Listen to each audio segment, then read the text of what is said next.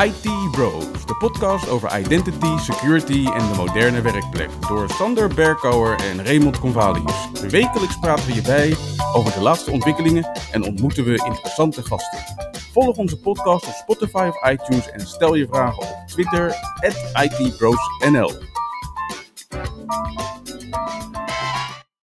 Ik ben Raymond Convalius. En mijn naam is Sander Berkouwer. Welkom bij aflevering 28 van de IT Bros podcast. Met in deze aflevering het laatste nieuws, aankomende evenementen en uiteraard een productiviteitstip van Ray.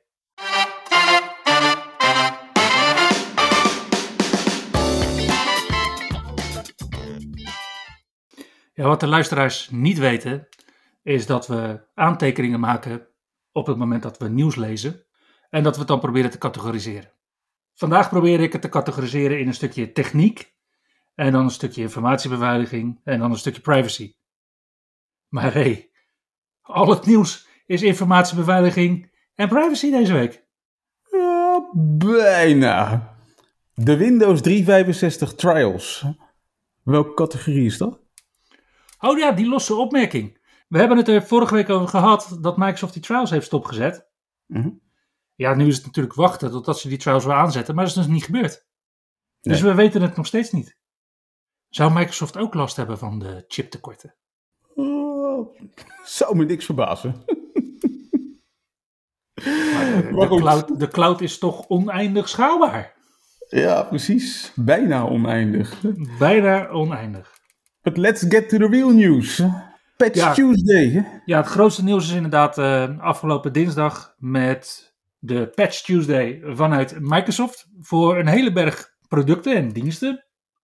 Maar Windows springt er uiteraard weer uit met 44 kwetsbaarheden, waarvan 3 zero days. Dus oftewel kwetsbaarheden die in het wild al worden misbruikt door kwaadwillenden en onderzoekers. Naast die 44 kwetsbaarheden in Windows vielen mij ook op dat er 5 kwetsbaarheden in Microsoft Edge werden opgepakt en één kwetsbaarheid in Azure AD Connect werd geadresseerd. Kijken we naar de 44 kwetsbaarheden in Windows, dan zijn dat 7 kritieke updates en 37 belangrijke updates. Maar ja, je kan ze natuurlijk ook op een andere manier slicen en dicen. Het is geweldig, Mike! En als we dat doen, dan zien we 13 Remote Code Execution kwetsbaarheden, 8 Information Disclosure kwetsbaarheden, 2 Denial of Service kwetsbaarheden en 4 Spoofing kwetsbaarheden. En toch, als je het vergelijkt met vorige maand, is het een relatief rustige Patch Tuesday. Ja, maar goed, als je kijkt naar de afgelopen maand. Ik bedoel, ik heb zelden een maand meegemaakt met zoveel glorieuze eh, ja, lekken en, eh, en, en bugs, zero days als de afgelopen maand. Ik heb het vorige, vorige week of twee weken terug heb ik het eh, voor de grap Julek gedoopt. Ja, De maand met de meest glorieuze lekken ooit. Zijn al die lekken opgelost? Laten we beginnen bij Print Nightmare. Nou, Print Nightmare is een kwetsbaarheid in de point-and-print functionaliteit van Windows. En Microsoft heeft dat opgelost door aan te geven dat alleen nog maar beheerders, dus mensen met lokale beheerrechten op een machine, die functionaliteit kunnen gebruiken. Dus dat betekent dat je niet meer als normale user naar System kunt gaan, maar alleen nog maar als lokale beheerder naar System kunt gaan. Mm, Oké, dat is dus by design zou je bijna zeggen. Maar dat betekent dus dat gewone gebruikers niet meer point-and-print kunnen gebruiken. Ja, tenzij een beheerder inderdaad dat met een registerwaarde weer eh, aanzet. En die mogelijkheid wordt ook geboden. En als je dan aanzet, dan heb je dus gewoon weer het risico dat iemand die local privilege escalation gaat toepassen. Ja, en dan komen we weer in dezelfde discussie als eh, account operators en print operators en server operators in Active Directory. Dat zijn mensen die eigenlijk ook nog niet weten hoe ze domain admin moeten worden. Ja, oké. Geaccepteerd risico. Ja, bijna wel. En als je moet kiezen tussen een kwetsbaarheid in Windows waar maar heel weinig leken van weten, of je organisatie failliet laten gaan omdat mensen niet kunnen printen, wat voor sommige organisaties nog steeds opgaat, dan is het een makkelijke keuze, denk ik. Oké. Dat is dan eh, Print Nightmare. Dan hadden we ook nog eh, Petit Potam. Mhm. Ja, Petit Potam is een beetje een, eh, een vreemde eend in de bijt. Want wat je ziet is dat het eigenlijk twee kwetsbaarheden zijn die aan elkaar werden gelinkt. Nou, de eerste kwetsbaarheid is natuurlijk een kwetsbaarheid in Active Directory Certificate Services. Waarbij je een Certification Authority op een bepaalde manier met NTLM aanspreekt. En dat hij dan uh, leuke dingen voor je kan doen. Mhm. Nou, vervolgens is er een tweede kwetsbaarheid. En die tweede kwetsbaarheid die ligt bij Active Directory, bij domain controllers. En die kun je dwingen om NTLM met je te praten. Nou, die twee, als je die aan elkaar linkt, dan heb je inderdaad een, uh, een leuke aanvalsketen. En die is dus Mhm. inderdaad ook een, uh, als zero day bestempeld. Voor de kwetsbaarheden in Active Directory Certificate Services heeft Microsoft aanbevelingen gedaan. Al uh, begin juli. Hoe je daar NTLM inderdaad uh, van kunt doen. Dat is misschien niet de meest briljante oplossing. Er zijn briljantere oplossingen. Inmiddels uh, zag ik. Mhm. Maar de kant van de domain controller, die kwetsbaarheid is inderdaad uh, gefixt. En het was een LSA spoofing vulnerability. Ja, dat was toch dat je zonder credentials met NTLM iets kon doen, waardoor je vervolgens die machine weer, zeg maar, namens zichzelf wat kon laten doen richting die certificate service. Mm -hmm. Hij was heel lelijk. In ieder geval. Ja, die, die twee als je ze samen gebruikt, daarvan geeft Microsoft ook toe inderdaad dat daar wel een CVS uh, V3-score bij hoort van 9,8. Pretty serious. Ik meen me ook te herinneren dat het probleem niet alleen gold voor domeincontrollers. Nee, maar wat je ziet is dat op domeincontrollers dat wel het meest belangrijk is. Ja, true. Je kan natuurlijk wel iets met Active Directory Certificate Services doen en dan vervolgens tegen je, je lokale machine of tegen een lokale Windows server.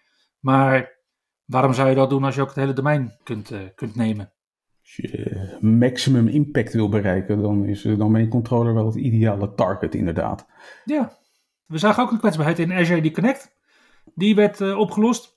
En ja, daar voel ik me wel een beetje schuldig over. Want ja, in onze podcast hebben we het natuurlijk over alle hippe nieuwe dingen die vanuit Microsoft komen. En we hadden het drie weken geleden ook over de nieuwe versie van Azure Connect. Uh, de grote nieuwe versie 2. Ja, die blijkt dus lek te zijn. Net als de laatste uh, 1.6.4.0 versie van Azure Connect. En ja, waar ik me dan schuldig om voel, is het feit dat dat beide releases zijn geweest die alleen maar te downloaden waren. Die dus niet via automatische upgrades bij hybrid identity beheerders uh, op hun bordje kwamen. Ben je dus een hybrid identity beheerder met Azure AD Connect versie 1.6.4.0 of 2.0.3.0, dan heb je dus handmatig geüpgrade. Of heb je Azure AD Connect toevallig sinds 31 maart nieuw of opnieuw geïnstalleerd in je omgeving, dan is het zaak dat je ten eerste eventjes de nieuwe versie van Azure AD Connect downloadt en ten tweede uitgaand NTLM-verkeer uitzet. Ja, het leek me sowieso wel een goed idee om daar niet meer met NTLM te willen werken. Precies. Welke versie van Azure AD Connect moet je dan hebben? Nou, zit je op een 1.x versie, dan is daar nu 1.6.11.3. En zit je al op versie 2.0.3.0, dan is er versie 2.0.8.0. En dit is wel interessant, want Microsoft doet nu voor het eerst dus twee versies van Azure AD Connect beschikbaar stellen aan mensen. Dus waarom konden ze dat niet al die tijd? Nou, wat, wat deden ze dat nog niet dan toen versie 2.0.3.0 uitkwam van Azure AD Connect?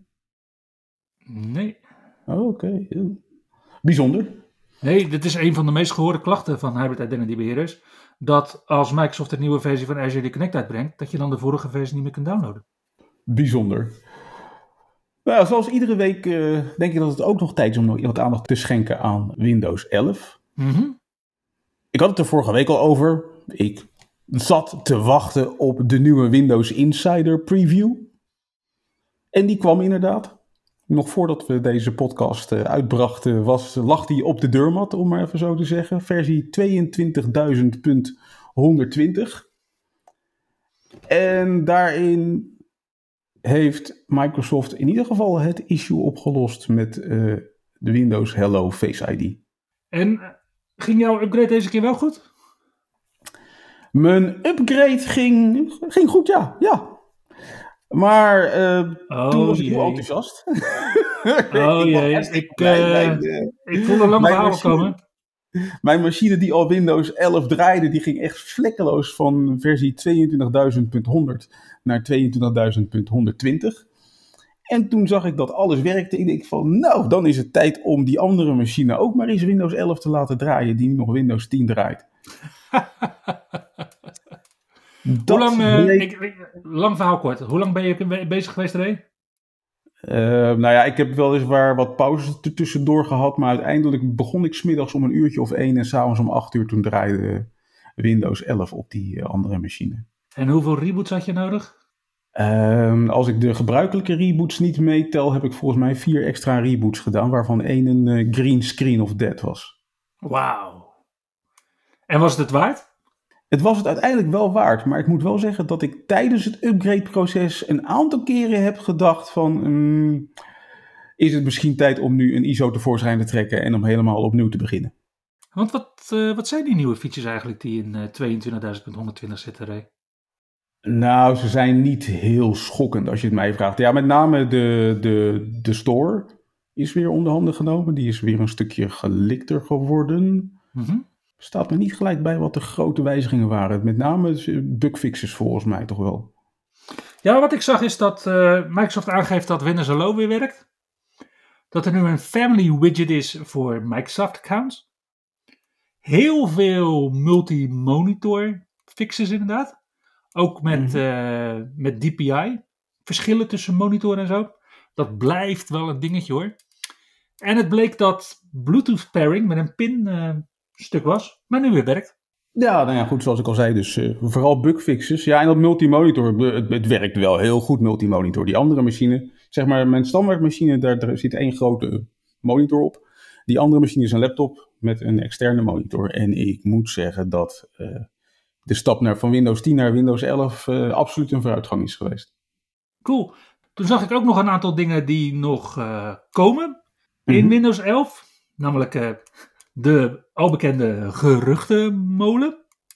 Die Panaspanna heel goed weet aan te zwengelen. Want hij liet wat zien van focus sessions en van snip en sketch.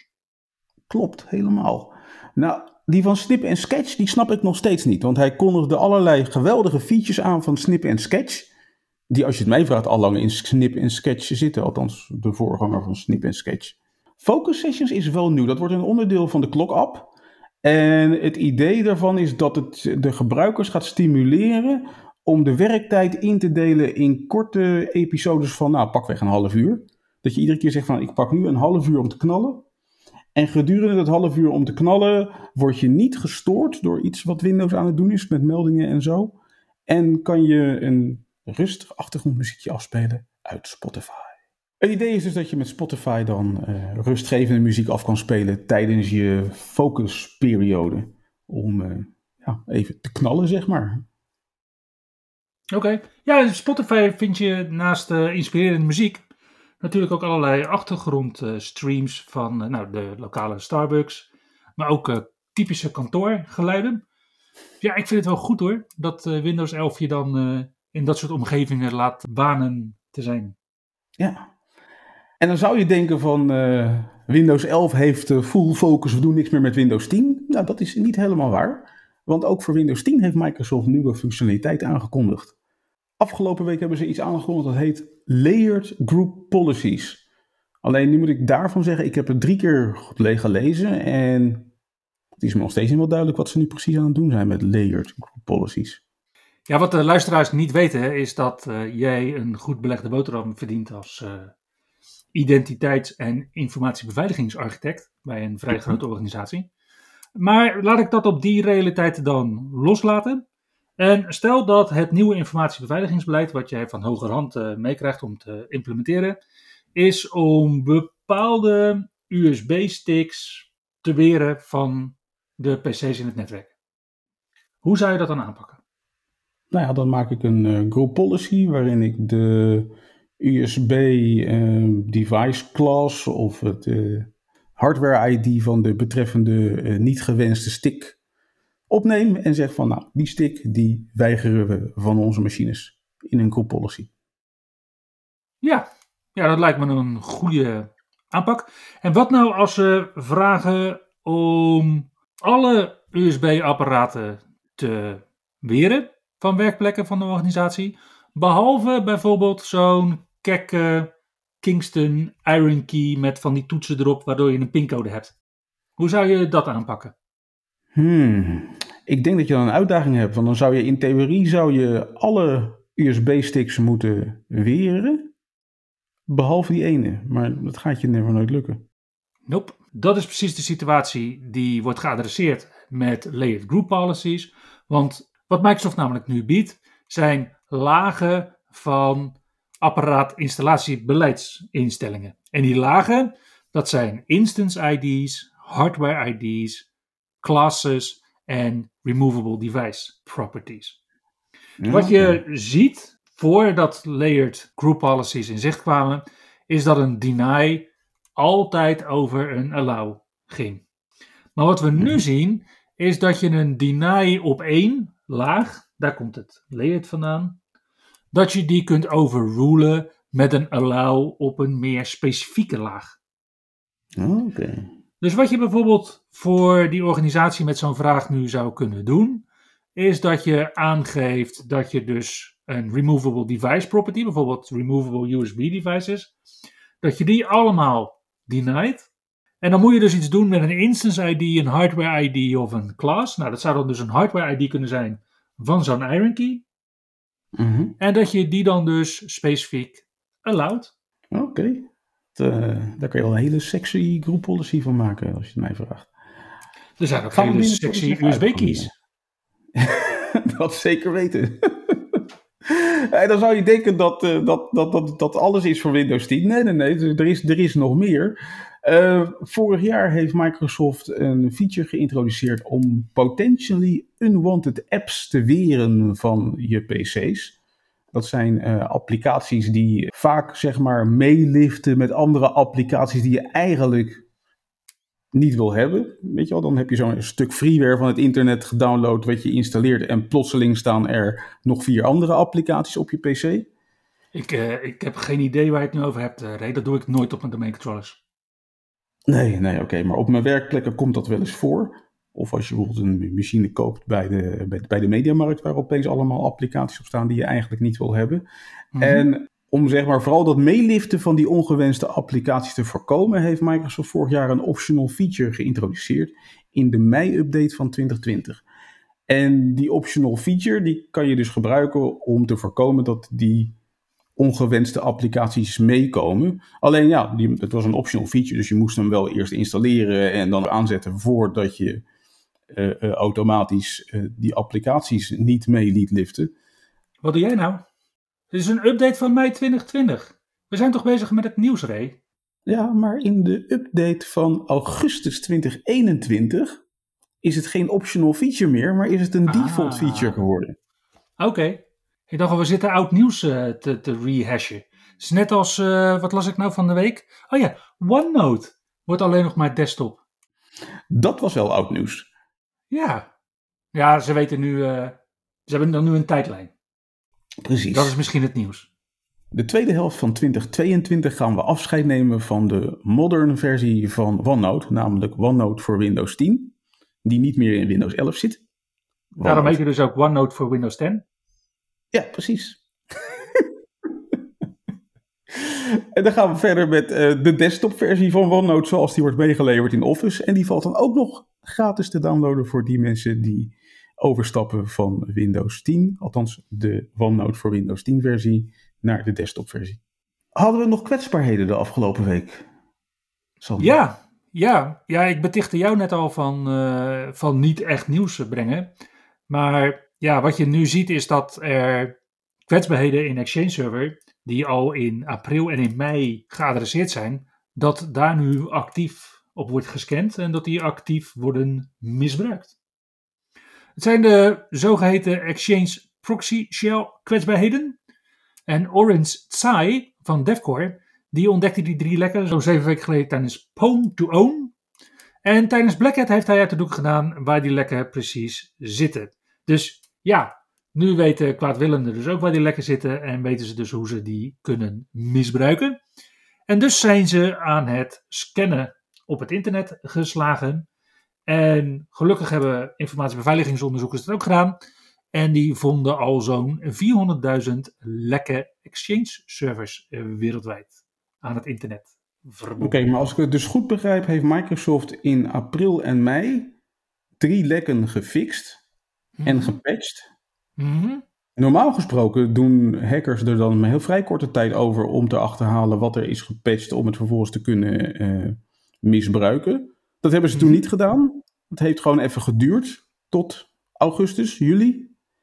Ja, En toen hadden ze een exploit. Althans, hadden ze exploits voor die drie verschillende lekken. Ja. En nu worden Dus- ze ook daadwerkelijk gebruikt. Ja, dus exchangebeheerders hebben ruim de tijd gehad om inderdaad die updates te installeren. Maar ja, ik denk dat ze niet naar onze podcast luisteren. Nou ja, ik denk het ook. Want ik bedoel, als exchangebeheerder was je in februari toch al aardig gewaarschuwd voor potentiële kwetsbaarheden op je exchange servers. Exchange servers lagen begin van het jaar volgens mij zwaar onder vuur. Ja, met Hafnium En toen. heeft toen, toen heeft ook iedereen wel geüpdate, hoop ik. En, en nu zie je dus dat er vervolgens in maart en april nieuwe updates uitkomen dat mensen ze weer gewoon laten liggen. Ja. I don't get it, maar goed. Helaas. En soms doen updates ook wel echt iets brengen. Nou, in het geval van Exchange dicht het dan lekker. In het geval van Firefox deze week en Firefox 91 specifiek, uitgebracht op woensdag 10 augustus, zien we dat het nu mogelijk is om aan te melden met een Microsoft-account op basis van Windows eenmalige aanmelding. Maar we zien ook verbeteringen in de Total Cookie Protection. En Firefox 91 is de eerste versie die HTTPS First hanteert. Dus als je een korte URL intypt, dan zal die eerst proberen om op HTTPS naar die website te gaan. En als dat niet lukt, dan pas met HTTP. Net zoals Chromium. Net zoals Chromium dat binnenkort gaat doen, geloof ik. Ah, oké. Dat is aangekondigd, dus dat is een van de upcoming features in eh, Chromium. Ja, is- zo zie je dat die browserjongens elkaar inderdaad wel lekker scherp houden. En dan is het jammer om te zien dat Mozilla inderdaad afgelopen maand onder de 200 miljoen actieve maandelijkse gebruikers is gedoken. Ja, ja, goed, ze moeten natuurlijk opboksen tegen het eh, marketinggeweld van eh, Google en Microsoft. En ik kan me voorstellen dat die een streepje voor hebben op eh, Mozilla. Ja, wat ik vooral zie is dat onze mede-IT-bros vooral meerdere browsers op hun systemen hebben, zodat ze de beste browser kunnen gebruiken voor bepaalde websites. Sommige websites doen het nou eenmaal beter in Firefox, andere beter in Chrome. En dus ook Edge. En tja, als een beheerder dan Firefox niet meer hoeft te gebruiken omdat die website net zo goed werkt onder Chrome, ja, is dat dan misschien niet het grootste compliment wat we Firefox kunnen geven? Ja, ja, ja, dan hebben ze de concurrent gedwongen om hun huiswerk goed te doen. Ja, en als je dan kijkt van de, ja, huiswerk. eh, Apple dacht ook dat ze huiswerk gingen doen door te gaan scannen op eh, kindermisbruik. Het is natuurlijk huiswerk wat elke overheid vraagt van organisaties die bezig zijn met opslag van gegevens. Ja, dus ik snap alleen- wel dat Apple daar iets mee wilde doen. Alleen het is tricky, want Apple paradeert, net als WhatsApp bijvoorbeeld, met end-to-end versleuteling richting iCloud. Dus dan zou het normaal gesproken eh, haast niet mogelijk moeten zijn voor Apple om iets te doen tegen ja, ongewenste content. Kinderporno in dit geval. En toch heeft Apple een manier gevonden. Wat Apple wil gaan doen, is dat ze een lijst van afbeeldingen, daar willen ze hashes van nemen. En dat zijn dan niet normale hashes zoals wij die kennen van onze bestanden, maar hashes die er dan voor zorgen dat een afbeelding ook, als je hem kropt of als je de kleur aanpast of als je hem zwart-wit maakt of groot verkleint, dat die nog steeds hetzelfde is. Die hashes die willen ze versleuteld in een soort databaseje naar iOS-apparaten en iPadOS-apparaten gaan pushen. En op het moment dat jij dan dus een, eh, een foto maakt of een bestand ontvangt of in ieder geval verwerkt, dan wordt die foto vergeleken met die database. Dus dan wordt diezelfde hash genomen, dezelfde versleuteling toegepast en dan wordt het gewoon vergeleken. Nou, mocht het dan zo zijn dat je een foute afbeelding verwerkt, dan krijgt dat bestand een specifieke header en een separate sleutel. En op het moment dat je dan dat bestand naar iCloud uploadt bijvoorbeeld, dan kunnen Apple-medewerkers met die separate sleutel die bestanden eventueel bekijken. Nou, dat zouden Apple-medewerkers dan gaan doen op het moment dat jij door een ondergrens heen gaat van het aantal foutieve bestanden wat je dus verwerkt. En op het moment dat Apple-medewerkers dan die foute bestanden aantreffen in je iCloud, dan worden de autoriteiten ingeschakeld. Klinkt heel mooi, maar daar zit, schuilt ook een gevaar natuurlijk. Want ik bedoel, wie, wie zorgt ervoor dat die database klopt? Nou, daar zijn dus organisaties al mee bezig. Maar wat we ook in het verleden hebben gezien, dat daar ook nog wel eens menselijke fouten worden gemaakt. Helaas. Wat Apple aangeeft is dat de foutmarge bij hun in ieder geval 1 op 1 biljoen bestanden is. Ja, maar ja, goed. Nou, stel, stel nou dat een, een, een hacker of een hackersgroep in staat is om uh, afbeeldingen te creëren die niks met kinderporno te maken hebben, maar die wel, zeg maar, uh, uh, qua hashes overeen weten te komen met waardes uit die database die Apple gebruikt. Want ik neem ah, die database. Zogenaamde collision attacks. Ja. Ja, nou dat is dus die 1 op 1 biljoen. Dat ze dat lukt. Omdat je die hash op een bepaalde manier moet maken. En omdat die hashes vervolgens ook nog eens versleuteld zijn. Waar ik me wel zorgen om maak, en dat is natuurlijk de hele discussie die nu gaande is.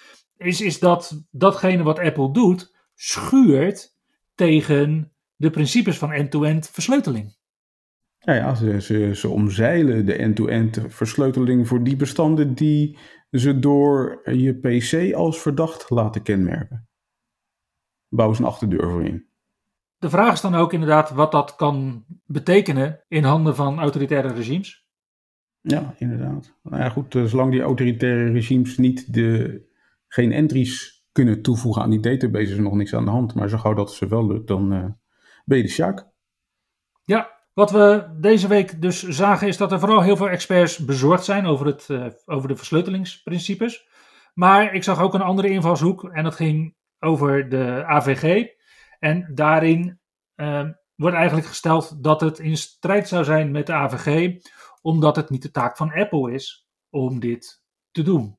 Nu heeft Apple als insteek om dit alleen in de VS uit te brengen. Maar in de staat van Californië kennen ze zoiets als de CCPA.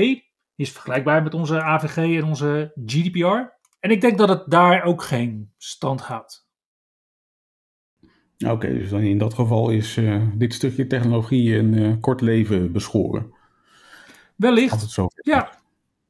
Mhm. Maar ik, uh, ik zou vooral ook niet de lobbyisten van Apple onderschatten. En als we het dan hebben over versleuteling, dan kunnen we natuurlijk ook hebben over ransomware aanvallen. En in de categorie datalekken van deze week zien we onder andere Accenture, die geraakt wordt door de Lockbit Ransomware as a Service. Daar werd al een beetje voor gewaarschuwd. Dus ik hoop dat het goed met ze gaat.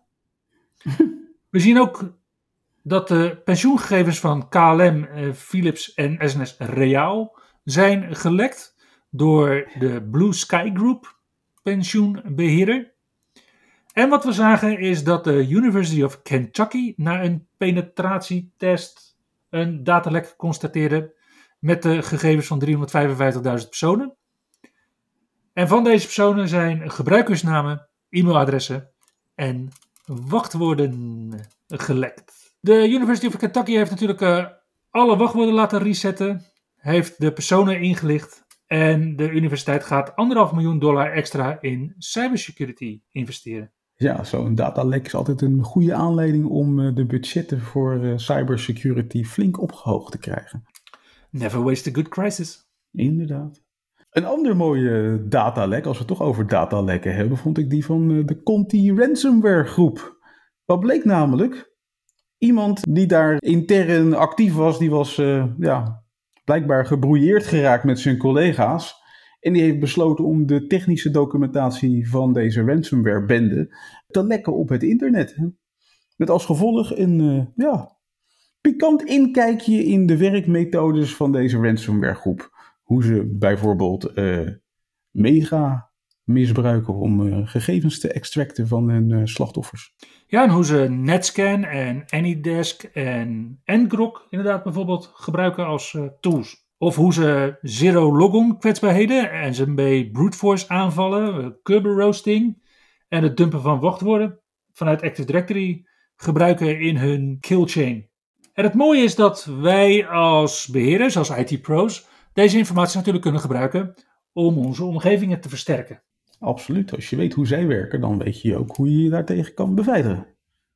En zo leren we deze week dat niet elk datalek erg hoeft te zijn. Dit was een hele gunstige als je het zo bekijkt. Bij Google uh, zijn ze ook bezig geweest om beveiligingsmaatregelen, althans beveiligingsmogelijkheden verder op te schroeven. Ze hebben de Titan beveiligingssleutels geüpgrade. En met die upgrade hebben ze vooral zich gericht nu op NFC in plaats van Bluetooth. En door dit soort keys te gebruiken, ja, ben je gewoon minder vatbaar voor gekkigheid zoals phishing attacks, waardoor grote datalekken plaatsvinden of andere uh, misbruik van credentials. Ja, en Google kwam ook uh, in een ander nieuwtje naar voren. Dat ging over de CISA, dat is het Amerikaanse Cybersecurity and Infrastructure Security Agency. En die gaat samenwerken, dat noemen ze de Joint Cyber Defense Collaborative. Met onder andere AWS, nou, Google zei ik natuurlijk al, Microsoft, AT&T, CrowdStrike, Verizon, maar ook het uh, Department of Justice, de NSA, de FBI, dat soort organisaties, met als focus de nationale kritieke cyberinfrastructuren. Nou, in Nederland hebben we natuurlijk al dat soort organisaties. Het is nog een beetje versnipperd, want we hebben een organisatie die zich vooral richt op de Nederlandse overheidsinstellingen. En er is een organisatie die daarnaast ook probeert om dat voor grote multinationals met kantoren in Nederland te doen. En eigenlijk zijn hun doelen hetzelfde. Ze proberen te komen tot een meer gecoördineerde uitvoering tegen ransomware en tegen cybersecurity incidenten. Door risico's beter op te sporen, de impact van cyberaanvallen te beperken en natuurlijk inzichten te delen. En zo kunnen al die organisaties in dat samenwerkingsverband sneller op de hoogte zijn van eventuele problemen. En natuurlijk samen nieuwe oplossingen voor problemen bedenken. Nou, ik denk dat het geen overbodige luxe is als je kijkt naar de, de impact van een aantal grote hacks van de afgelopen maanden. Dus uh, ik ben heel benieuwd wat dit gaat opleveren. Aan de andere kant zie je dat Google ook moeite heeft gedaan om zichzelf ja, als een betrouwbare leverancier eh, te kunnen positioneren richting het eh, onderwijs in Nederland. Ik begrijp dat ze Chrome OS gaan aanpassen. Voor ja, en niet alleen Chrome OS, maar hun hele handelswijze. En dit zat er uh, denk ik al een tijd aan te komen. Ik, uh, nou, ik wil niet zeggen dat ik op de eerste rij zat, maar ik denk op de tweede rij. Toen de Nederlandse Rijksoverheid met Microsoft aan het uh, onderhandelen was over de voorwaarden om Microsoft dienstverlening, zoals Microsoft 365 en Azure, te gebruiken binnen de Rijksoverheid. En dat heeft, ik weet niet of je dat nog kan herinneren, anderhalf jaar geleden geleid tot geheel nieuwe voorwaarden voor iedereen die Azure en Microsoft 365 gebruiken. En nu zie je dat uh, Google door die mangel is gegaan. Dus de Privacy Company, dat is een, uh, een organisatie die heel veel DPIA's doet. Data Privacy Impact Analysis. Oftewel gegevensbeschermingseffect rapportages doet voor de overheid. En wat zij hebben geconstateerd is dat Google niet aan de AVG voldeed. Nou, dat is natuurlijk met het aankomende lesjaar een hele nare constatering. Dus daar hebben ze nu actie op ondernomen.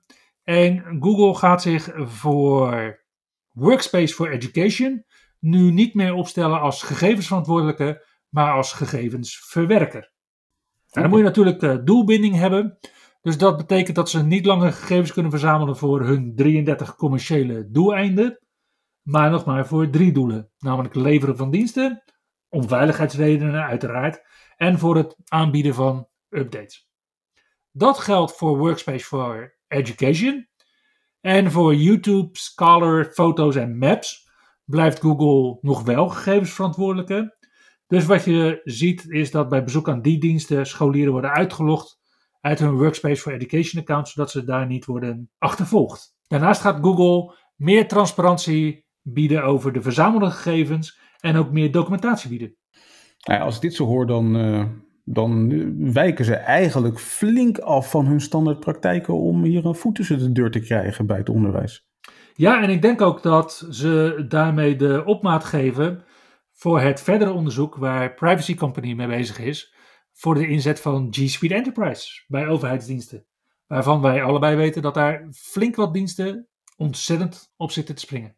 Ik ben heel benieuwd en uh, eens kijken wanneer Google zover is dat ze hun dienst inderdaad ook mogen leveren aan andere overheidsdiensten.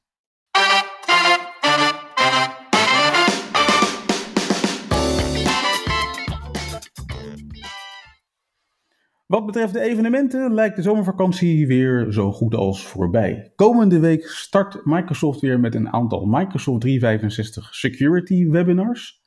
Met name op 17 augustus van 9 uur tot 10 uur ochtends Pacific Time, oftewel 6 uur s avonds tot 7 uur s avonds Nederlandse tijd, begint het traject weer met een sessie Protect Your Slack Deployment Using Microsoft Cloud App Security. Op de volgende dag, 18 augustus, is het meteen weer raak. Dan gaat Microsoft meteen verder met een vervolg. Althans, een vervolg. Een andere sessie die heet de Monthly Threat Insights. Waarbij we ons laten bijpraten over de huidige bedreigingen op het internet. En alsof dat, alsof dat nog niet genoeg is, ook de Azure Security Public Webinars gaan weer van start. En wel op 18 augustus van 8 uur s ochtends tot 9 uur s ochtends Pacific Time, oftewel 5 uur tot 6 uur s middags, is er een sessie over Azure Sentinel en die heet Fusion ML Detections with Scheduled Analytics Rules. Dus uh, volgende week start het circus weer. En als we dan kijken naar eind van de maand, en dat is vooral natuurlijk voor de beheerders die misschien echt niks te doen hebben en wat meer tijd kunnen besteden aan webinars en zulks dan zien we dat er twee hele mooie grote virtuele evenementen aankomen. De eerste is de Workplace Ninja Virtual Summit. Die vindt plaats van 31 augustus tot en met 2 september. Van onze tijd 1 uur s middags tot zo'n 8 uur s avonds. En dan kan je dus in drie dagen gratis, virtueel, gewoon via Teams, meer dan 80 sessies van Microsoft medewerkers en MVP's volgen. En wat ik mooi vind is dat er heel veel Microsoft Endpoint Management en Azure AD sessies tussen zitten. Ja, ja ik heb ook heel veel Windows sessies gezien. Dus eh, we kunnen echt uh, we kunnen onze borst nat maken die, twee, die drie dagen. Ja, nou die laatste twee dagen van de Workplace Ninja Virtual Summit hebben ze wel een beetje concurrentie. Namelijk van The Experts Conference. Vroeger heette dat de Directory Experts Conference. Dan heb ik het over 2008 en 2009 bijvoorbeeld. Dat werd altijd gesponsord en opgezet en gerund door Quest. Quest is een tijdje weg geweest, was onderdeel van Dell zelfs een tijdje, is nu weer terug als zelfstandig bedrijf. En dus is de Experts Conference terug, vorig jaar eigenlijk al. En je kunt daar dus ook dit jaar weer geheel gratis van genieten. Op 1 en 2 september vanaf half tien ochtends tot 3 uur Eastern Time, dat is dus 6 uur tijdverschil, zie je dat je een hele berg sessies hebt met voornamelijk Microsoft 365 Security en Azure AD Identity sessies. Het wordt nog lastig kiezen als je op 1 eh, en 2 september tijd hebt om eh, online seminars te gaan volgen. Ja, het worden drukke avonden als je jezelf wilt laten bijspijkeren. Maar het voordeel is dat het gratis is. En dat vind ik altijd goed.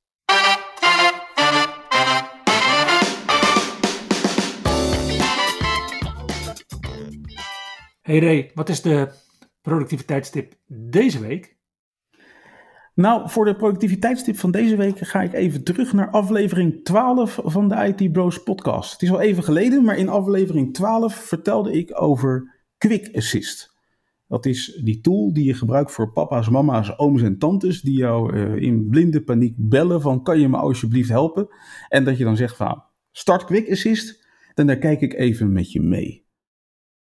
We weten allemaal dat dat kan. Natuurlijk heb je geluisterd naar aflevering 12 van de IT Bros podcast. Maar waar ik van de week achter kwam, en dat is wel echt een dingetje, van, het was eigenlijk het enige item wat overbleef. Want uh, Sander, jij hebt vast ook wel eens Quick Assist gebruikt om een noop te helpen. Hoe laat je een Quick Assist starten? Zeker. Ja, dus wat ik dan altijd vraag is, uh, druk op de startknop op je toetsenbord of op je scherm. Begin dan met typen. Dat vinden ze al meestal vreemd, maar oké. En dan uh, zeg ik van, nou, type quick. En dan eventueel nog spatie assist. Want je weet niet of ze ook nog uh, quicken of zo op zo'n machine hebben. En op een gegeven moment krijg je dan quick assist in je zoekresultaten. Nou, klik daarop. En vanaf daar heb je die code. En dan is het gaan met die banaan. Ja, precies. Nou, nu kwam ik er dus van de week achter dat het nog veel simpeler kan. Er is gewoon een toetscombinatie. Oh. Windows, Ctrl, Q. Nice. Dus nu hoef je niet meer uit te gaan leggen van klik op start en ga zoeken naar quick assist. Nee, zegt gewoon, weet je de Windows toets te vinden op je toetsenbord? Nou, dat is nog vaak ook wel even een korte uitdaging, maar die is sneller geslecht dan het startmenu te vinden. En dan zeg je van, nou, hou tegelijkertijd de Ctrl toets ingedrukt en druk nu op Q. En dan heb je meteen Quick Assist in beeld. Nou, dat is wel een hele prettige, vond ik zelf. Dus, en en die, die, wist ik nog niet. Dus die had ik ook niet genoemd in aflevering 12.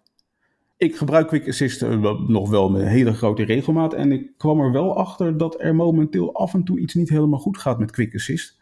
Namelijk, ehm, als ik nu soms Quick Assist gebruik, dan, dan opent Quick Assist zeg maar standaard met zo'n venster wat ongeveer de afmetingen heeft van een smartphone.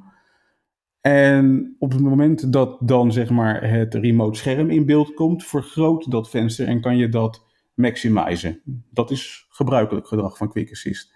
Alleen wat ik nu af en toe zie, is dat die zeg maar smartphone size blijft. Ook met de remote desktop in beeld. En dat ik vervolgens dat smartphone size window niet kan vergroten of in maat kan uh, aanpassen. Dus ja, dan zit je met een uh, onbruikbare remote sessie. Ja, want je familieleden helpen op postzegelformaat. Dat is uh, zelfs voor ons onmogelijk. Lastig. Vanmiddag had ik dat en toen ben ik uitgeweken naar mijn Windows 10 machine en toen werkte het weer goed. Dus ik hoop dat het een Windows 11 dingetje is. Ik heb het in ieder geval even gerapporteerd met de feedback tool. En hopelijk is dat binnenkort gefixt. En daarbij zijn we aan het einde gekomen van aflevering 28 van de IT Bros podcast. Dankjewel voor het luisteren en tot de volgende keer. Tot de volgende keer. Je luisterde naar IT Bros, de wekelijkse podcast over identity, security en de moderne werkplek. Abonneer je op Spotify, iTunes of Google Podcast als je de volgende aflevering niet wilt missen. Heb je hints of tips? Laat dan van je horen op Twitter. @itbrosnl